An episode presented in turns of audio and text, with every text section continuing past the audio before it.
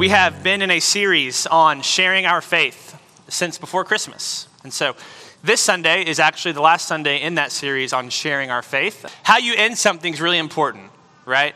Um, how many of you can think of a show or shows in which the last episode, the last season, the last whatever totally ruined it?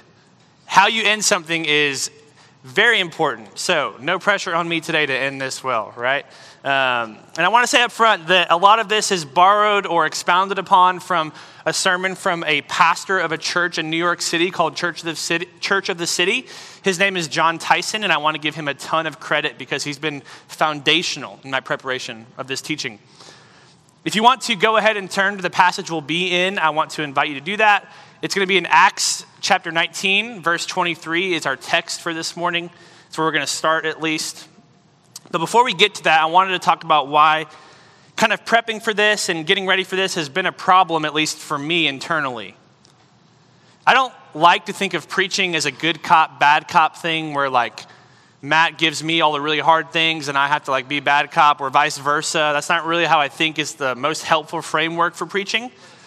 That's, yeah, yeah, yeah. Um, no, in all seriousness, we have talked a lot about things in this series where I've kind of gotten to feel like I've gotten to play good cop. And it's been kind of fun.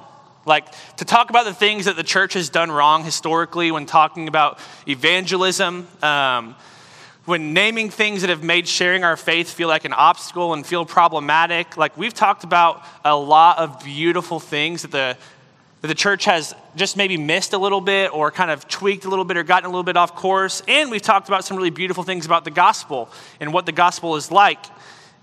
I've shared tips and observations for how to share your faith, and hopefully those were helpful. And it's been a lot of things that have been a lot of fun, and a lot of things that I felt really good kind of teaching and talking about. The reality is, though, is that I haven't done a lot or talked about a lot that's really upset kind of our cultural sensitivities or the things that we hold really close to our hearts or the things that we hold dear. And there's an entire industry right now, like in our country, that is founded upon what the church shouldn't be. Everywhere you turn, there's a new account, there's a new podcast, a new TV show, a new book, you name it, outlining the wrong the church has done and then creating these like niche communities that are anchored largely in what they are against rather than what they're for. That is a very big industry in our world today. And to give credit where it's due, the prophetic gifting, the prophetic voice is a gift God gives to the church. And like you read the minor prophets, the major prophets in the Old Testament, like calling out what isn't, calling out the thing that isn't as it ought to be is an important part of the family of God. That being said, um, I don't want to, like, I have zero interest in preaching a series where um, essentially all I do is say all the stuff that the church has done wrong and everyone give me lip service for being like, yeah, my mom's church or my dad's church, my grandparents' church I grew up in totally did everything wrong and I'm really mad about it and I'm glad you called it out. And all I did was that. Because only talking about what we're against, while it's helpful, um, it doesn't give us a vision of what we're supposed to be for. As a people of God, like I want us to be really defined by what we're for, because um, I think that's kind of the invitation of God. So, I want you to hear me very clearly this morning.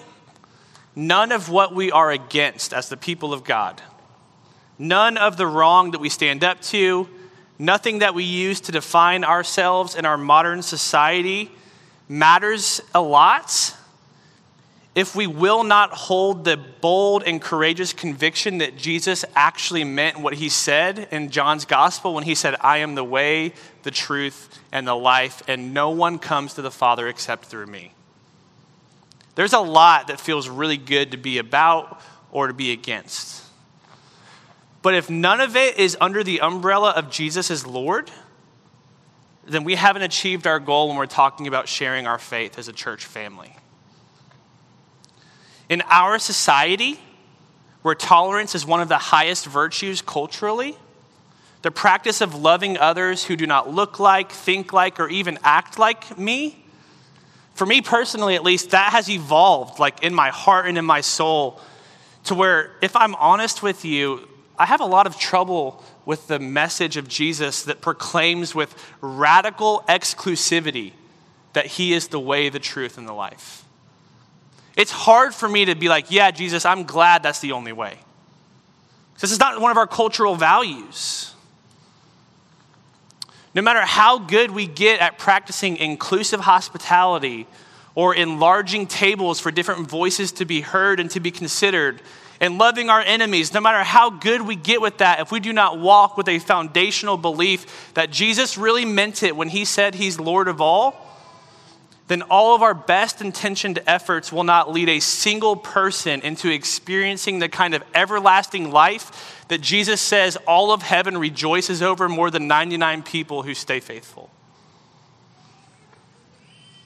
We cannot, as the church of Jesus, settle for loving someone's perception of ourselves so much that we're too afraid to ever take the risk of making a conversation awkward. In reality, most of the time when I don't want to broach the subject, that's what it is. I love what this person thinks of me way more than I have a genuine conviction or fear that like they need to know that Jesus is God and that Jesus is good. So, the question for us this morning as we conclude this series will we adopt the courageous and certain life that Jesus invites his followers into? The certainty that builds a life on him is the foundation? Or will we shrink back as a church in our world who is largely seen as nice and fine and, and fine and pretty cool to be around? but who offers nothing of the bread of life that satisfies. Man, Gregory must have gotten wild because my shoes are pretty sticky. Um, was Greg fun? Anyone who was there? Yeah? Cool.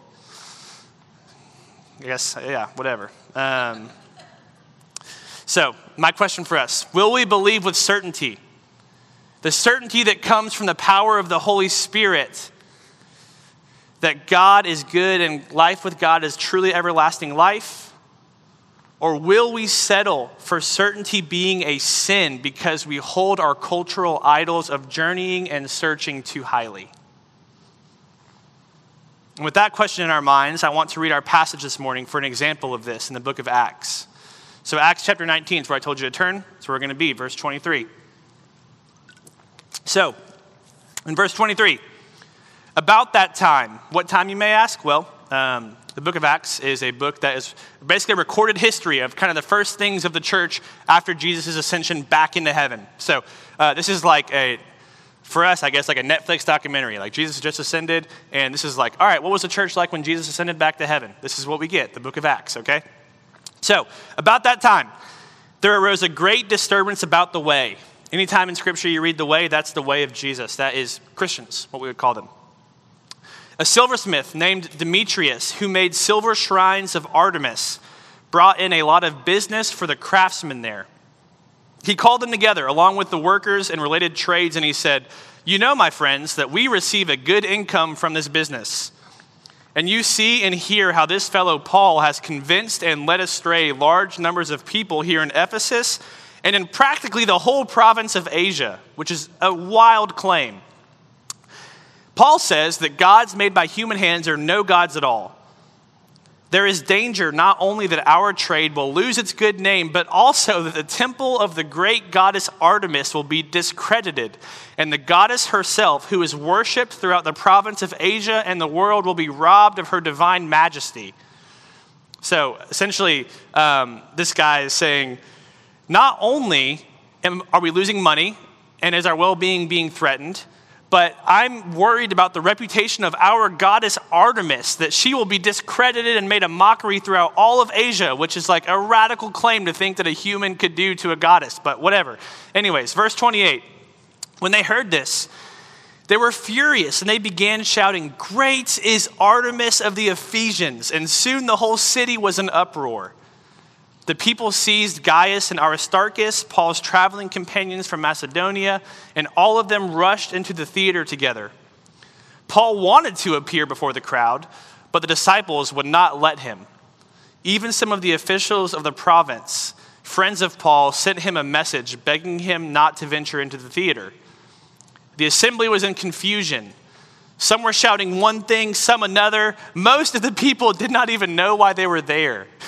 Have you ever been in a riot like that where it's like, why are you even here? I don't know. There was, a, there was a commotion, so I joined. The Jews in the crowd pushed Alexander to the front and they shouted instructions to him. He motioned for silence in order to make a defense before the people. But when they realized he was a Jew, they all shouted in unison for about two hours Great is Artemis of the Ephesians. The city clerk quieted the crowd and he said, Fellow Ephesians, doesn't all the world know that the city of Ephesus is the guardian of the temple of the great Artemis and of her image which fell from heaven? Therefore, since these facts are undeniable, you ought to calm down and not do anything rash. You have brought these men here, though they have neither robbed temples nor blasphemed our goddess. If then Demetrius and his fellow craftsmen have a grievance against anybody, the courts are open. There are proconsuls. They can press charges. If there is anything further you want to bring up, it must be settled in a legal assembly.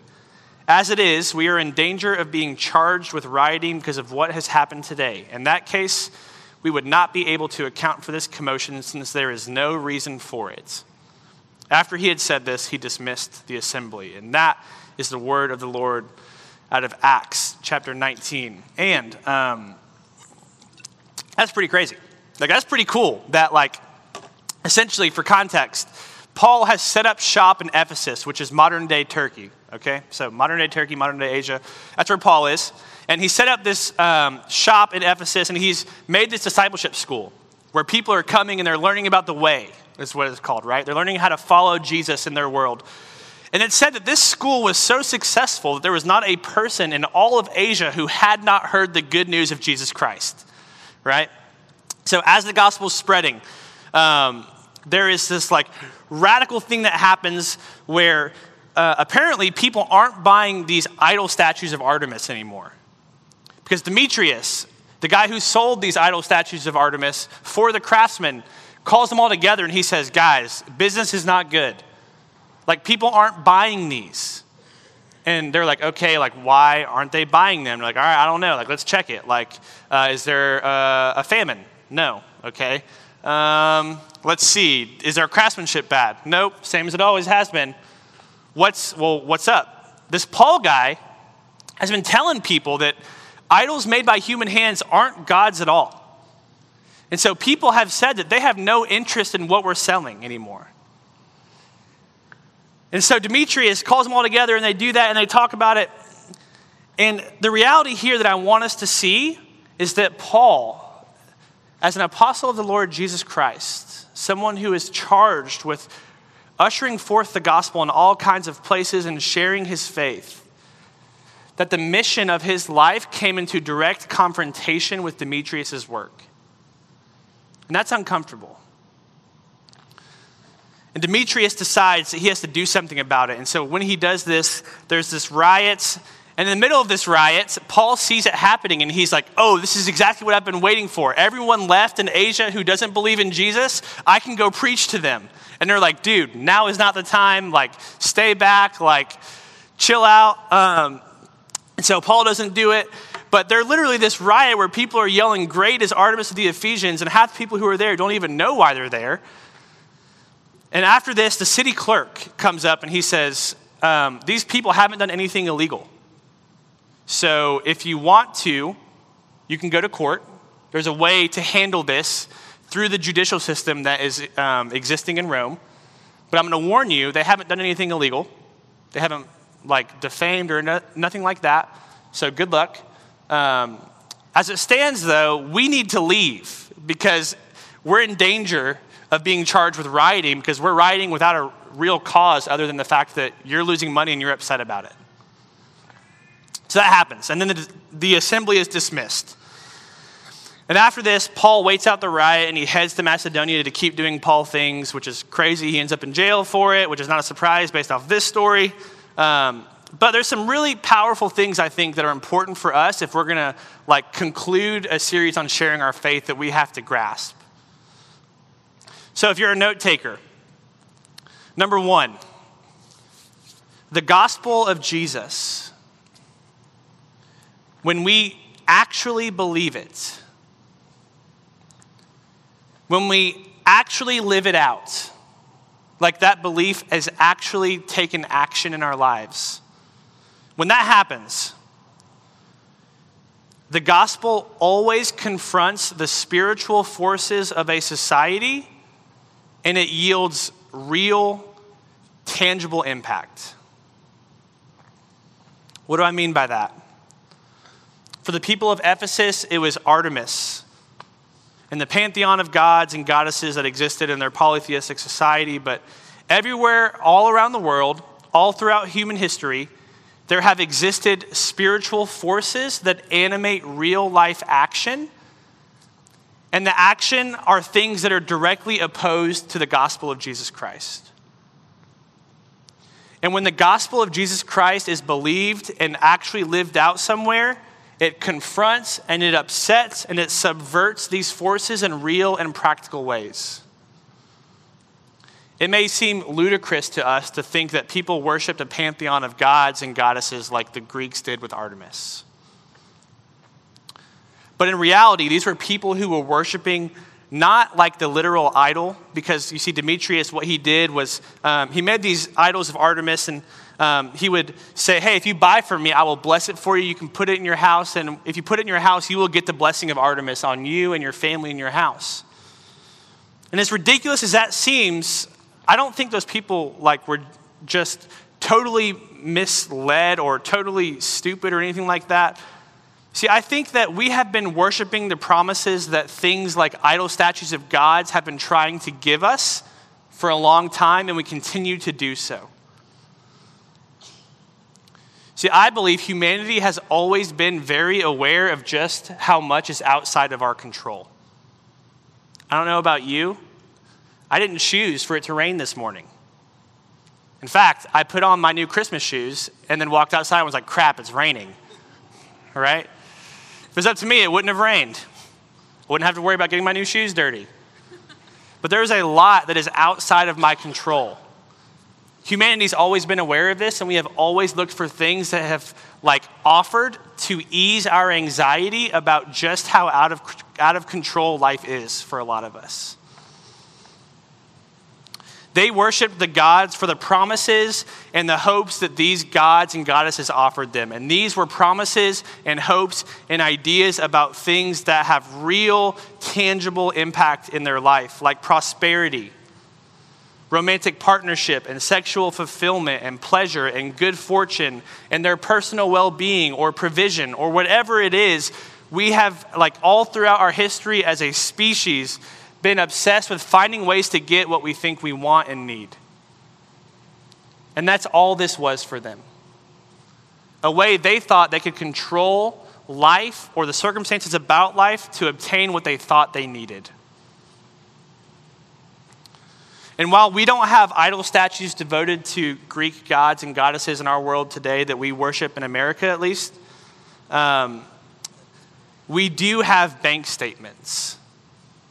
And we have iPhone screen activity, and we have YouTube algorithms, and we have things that we spend our time and our devotion towards. And so, with that in mind, what would our world, our country, our city, our, our, our, neighborhood, what would it look like if the gospel of Jesus and his teachings about what the good life is actually took root in our souls and confronted the economy of these forces? What if the kingdom of God was lived out in tangible and practical ways where we live? In our classroom at UTC, in our job, in our house in Highland Park, wherever it is, what would it look like? As Christians, when sharing our faith or when living our faith, it is not enough to just accept Jesus into our hearts and let that be it we accept Jesus into our hearts so that through the power of the Holy Spirit, we can do away with broken systems and sin patterns and relational pains that have been perpetuated throughout generations. It happened in Ephesus. There were entire families that had like made their living on this whole Artemis thing. And this whole Artemis thing was in direct confrontation of Jesus as Lord. See, there was a literal riot over the Christians' nonconformity to the way things had always been. And we are called to a faithful rebellion against the prince of darkness and all that he has established in the world that is set up against Jesus and his good and beautiful vision for life. So, we live generosity and abundance into the places of our lives where those around us feel scarcity. Where there is a mindset that says, I have to take that for myself, which I'm afraid I won't have, we choose abundance and generosity. Where there is enmity and strife and hostility, we practice love of others and a sacrificial love that doesn't make sense through hospitality to those who are radically different than us where there is unbridled devotion and worship of political parties and cultural ideas, we submit our lives to God's view of the good life, and we live that out publicly for all to witness and testify that God is good and God is kind and God is Lord. That is the call of us, or for us. Because the reality is, is that, as I said, the first point, the gospel of Jesus, when fully lived and believed, it always confronts the spiritual forces of a society and it yields real world impact. The second thing followers of the way of Jesus have always existed in places that disagreed with the claims of Jesus. I don't know about you, but it's felt hard living in a place where there are so many ideas about what the meaning of life is, who's God, why am I alive. Like, it's hard in a pluralistic society to stake any kind of claim on having the right answer. But this is not new to us, as new as it may feel. When Paul was staying in Ephesus, he, and when he was writing his letter to the church in Corinth, he says that he has seen a wide door open for ministry in Ephesus, but he says that there are many adversaries to the gospel. Paul experienced resistance to the gospel because of different ways of viewing life. The Roman Empire, it was founded upon a kind of assimilation into their, into their society that, as Jon Tyson puts it, um, is a violent tolerance. What, what does that mean? Well, essentially, the way Rome worked is they would show up in a town and they'd be like, hey, I don't know if you've heard about us. We're the Romans, we're pretty powerful. So, you can give us your village or we'll take it and we'll kill everyone. So, most people, if they tried to fight back, they were defeated. Um, and if they didn't, then Rome would say, hey, you can be a part of Roman society.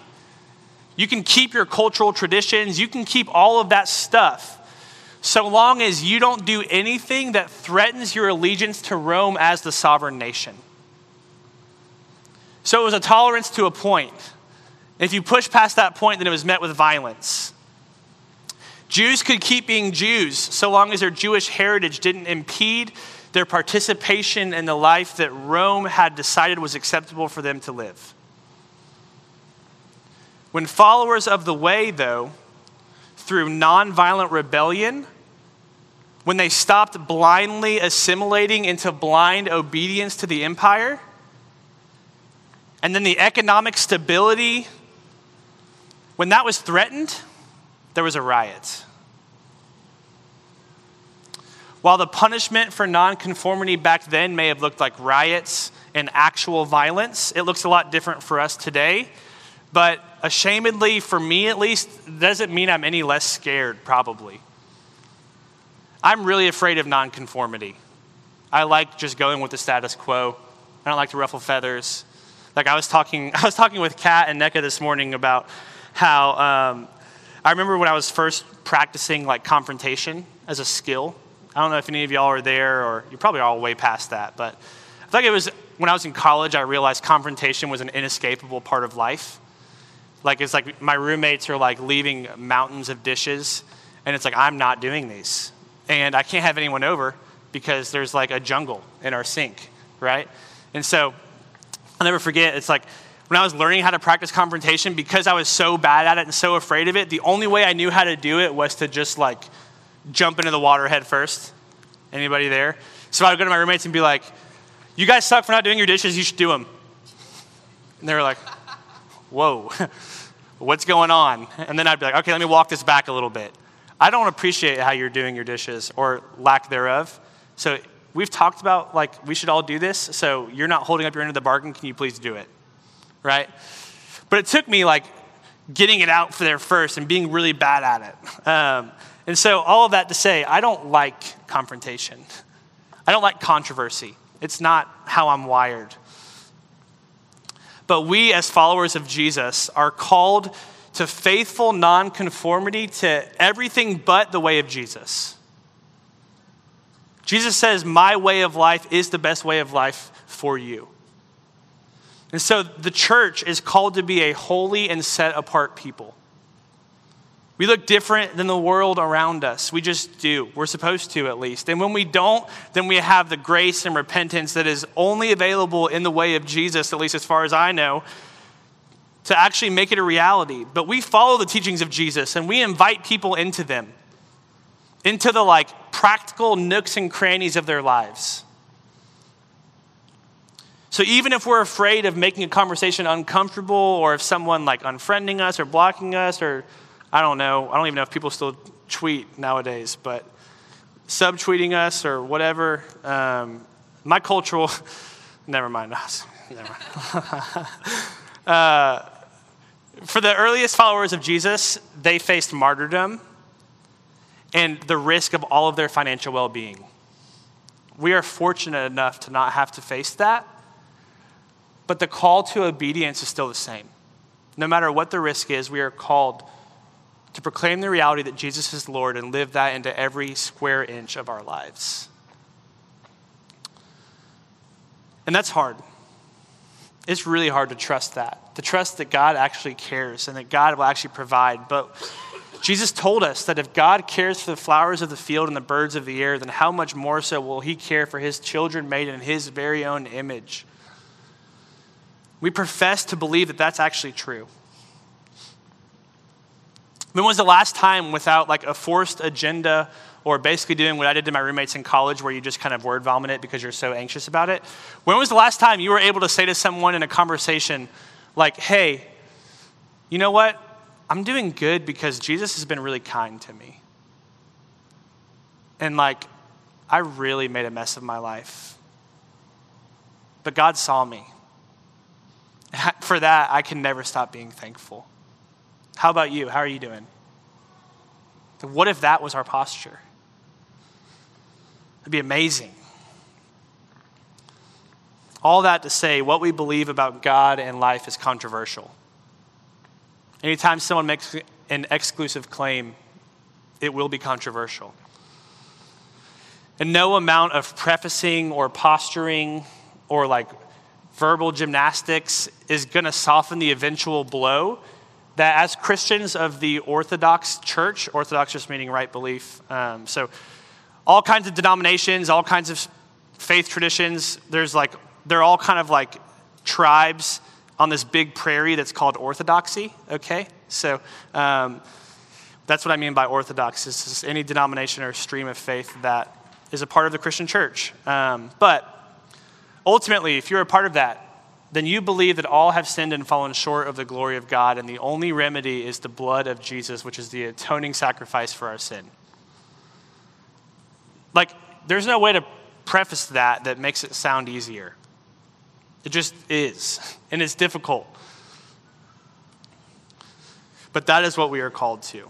And that message, as controversial as it may be, we believe it to be true and good. So, number three. The message of God is always best advanced through the means of God. Well, what does that mean? Well, I should stop making points that need such big expounding upon. But um, this means that we proclaim it with like a humble certainty. And we, not only do we proclaim it with a humble certainty, but with a sacrificial love that, as Jon Tyson said, chooses to go to war for the sake of the world while refusing to go to war with the world. I don't know if you can think of any Christians who think their life like mission is to go to war with the world and how well that's gone over. Um, we are called to a sacrificial love for the sake of the world against the powers and principalities of the kingdom of darkness. We are not called to wage war against John from IT who thinks that our views are stupid. It's just not what we're called to. See, in a time of great civil corruption in the Roman Empire, like the Roman Empire was pretty corrupt stuff, right? Um, there's a city clerk who literally says, You can sue them if you want, but you don't have anything to sue them over. Do you know how easy it would have been to just make up something to sue them over? But their lives were such a good testament to the way of God that he said, You can sue them if you want, but I can't find anything that they've done wrong. Like, that is unbelievable. I wish it could be said that everyone who knew me like could say that like yeah i think his views are absolutely crazy but you know what he loves people. And he's a good person. It's like, I don't find fault in him. Like, man, I wish that is my prayer for that to be true of me in my life. Their lives were gentle ones, but they were firm on the fact that Jesus was their Lord. And they were determined to live as a countercultural witness to those around him of the grace that they had received. They didn't grasp for political power out of fear that their religion would be extinguished if the wrong legislation came into power. Their religion could not be extinguished by a legislation because their religion was a legislation unto itself. They were going to live as a part of the kingdom of God no matter who was in power, whether it was Caesar, whether it was whoever came after the Roman Empire, because I'm horrible at world history. But regardless, Jesus was Lord, and that meant that they were going to live the realities of his kingdom into every facet of their life, even if it meant them going to jail. Where citizens of Rome were protective and selfish and stingy with their money while being wildly promiscuous with their bodies, the church of Jesus Christ was abundantly generous with their money while being inconceivably selective with their bodies and their sexuality. Everyone who looked at them could not conceive of the way that they said was the good life. Didn't matter who was in power, this is how they were living. This was the life that was set out for them. This was the life that was ordained for them by God. And it was through that and that self sacrificial love the people of Rome came to see and know that this way of life was something different. There's something different about this. Maybe my life should change to consider this. Through the church's scandalous, like generosity publicly, and their unyielding devotion to holiness in their lives privately, they were a living testament to the way of God. Not too long ago, um, I was praying with a group of people, and I don't know if you've had an experience where someone tells you something they saw in prayer for you, that is just like totally spot on, but I had one of those. So we were praying, and this girl um, who was in this group was praying with, she said, You know, Brooks, as I was praying, I just got this vision of you on this boat. And it was in the middle of this great storm, and everyone was like underneath the deck, like hiding. And I saw Jesus inviting you to like go up to the top of like the mast and just enjoy the wind in your face as much as a dog enjoys hanging his head out the window. And I was like, okay, um, that's crazy. Because if you know me, that's the last thing I would do, right? I'm a very security, security oriented person. I don't like risks that much, and that sounds pretty risky, right? The reason I'll never forget that is because it was like directly opposite of what I had been feeling and telling people I had been feeling for the past like three years. In fact, it even used the same imagery and the same metaphor. So I didn't really grow up in this thing called the church. Um, I was there partially, but uh, many of you know, if you know me, that the family I grew up with wasn't necessarily the one that I would have chosen for myself as far as like how we functioned. We had some kind of messed up family patterns and systems, and my parents got divorced when I was really young, and there's a lot of pain around that, a lot of brokenness and uncertainty. Like, what does it mean to be a good member of a family? Where's my value? How do I be a husband well? All kinds of stuff I'm still trying to learn and unlearn about life. And I came to faith at a small private Christian school And in a small private Christian school, um, to be a Christian, for the most part, is kind of like a net positive, which is not the case everywhere, right? But uh, little naive me was like, the world is like this small private Christian school of 900 people. Um, so I became a Christian there. And uh, it was great, and everyone was really excited. And um, yeah, we can say whatever we want to about that. The point I'm trying to make is that after my life at that small private Christian school, I came here. And uh, I started having conversations with people where they would ask me what I did. And I told them I was a church planter, and they were like, huh. Do you want to hear why I don't go to church? It's like, okay, yeah, sure. And they would tell me, and I'd be like, oh, well, in my young, naive stage, I'd be like, well, here's, here's the reason why you don't go to church, because everything you just said is what the church shouldn't do. They're like, dude, screw you. Stop telling me about my story, right? Um, anyways, for two to three years, I started getting this like obsessive anxiety and this feeling that if you ask anyone who would talk to me at that time, the way I described it to them is I felt like I had gotten on a boat that was sinking. I don't know if you've seen the Titanic. I saw it recently for the first time within the past year. I know I missed the boat on that one. But um, you know the scene in Titanic where like they've crashed and they're literally like tripping over each other, like fighting each other, trying to get off of the boat. They're like yelling at people they don't know, like, you need to get off the boat. This boat is sinking, right? Because when there's a perceived danger of something sinking and going down, people are just yelling at each other to like get off because they're trying to help each other. And that was where I felt like I had like done with my life when I decided to work in a local church. It felt like the local church and people's perception of the local church was that boat. And I had just spent six years getting two degrees in Christian ministry to give my life working to something that had all kinds of holes in it, and people were literally fighting each other to get off of. And then I heard this girl tell me that Jesus, in this prayer, she saw Jesus look at me and say, Hey, come up here to where like the mast is and let's play in the storm of this boat we're on.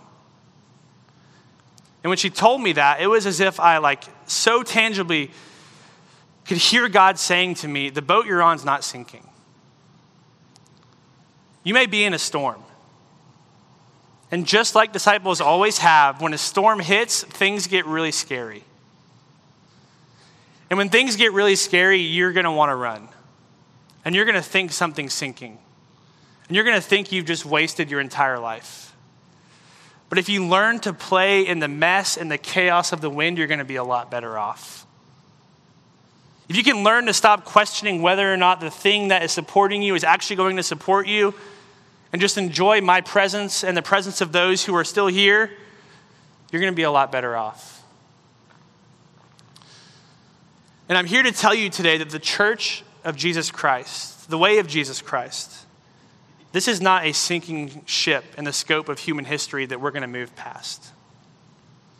It is the holy temple that is being built up to advance the kingdom of God in tangible and miraculous and life changing ways, like now and for all of eternity. I know the idea that we could be certain about something with all that we've learned we didn't actually know for most of human history probably sounds arrogant or crazy or both.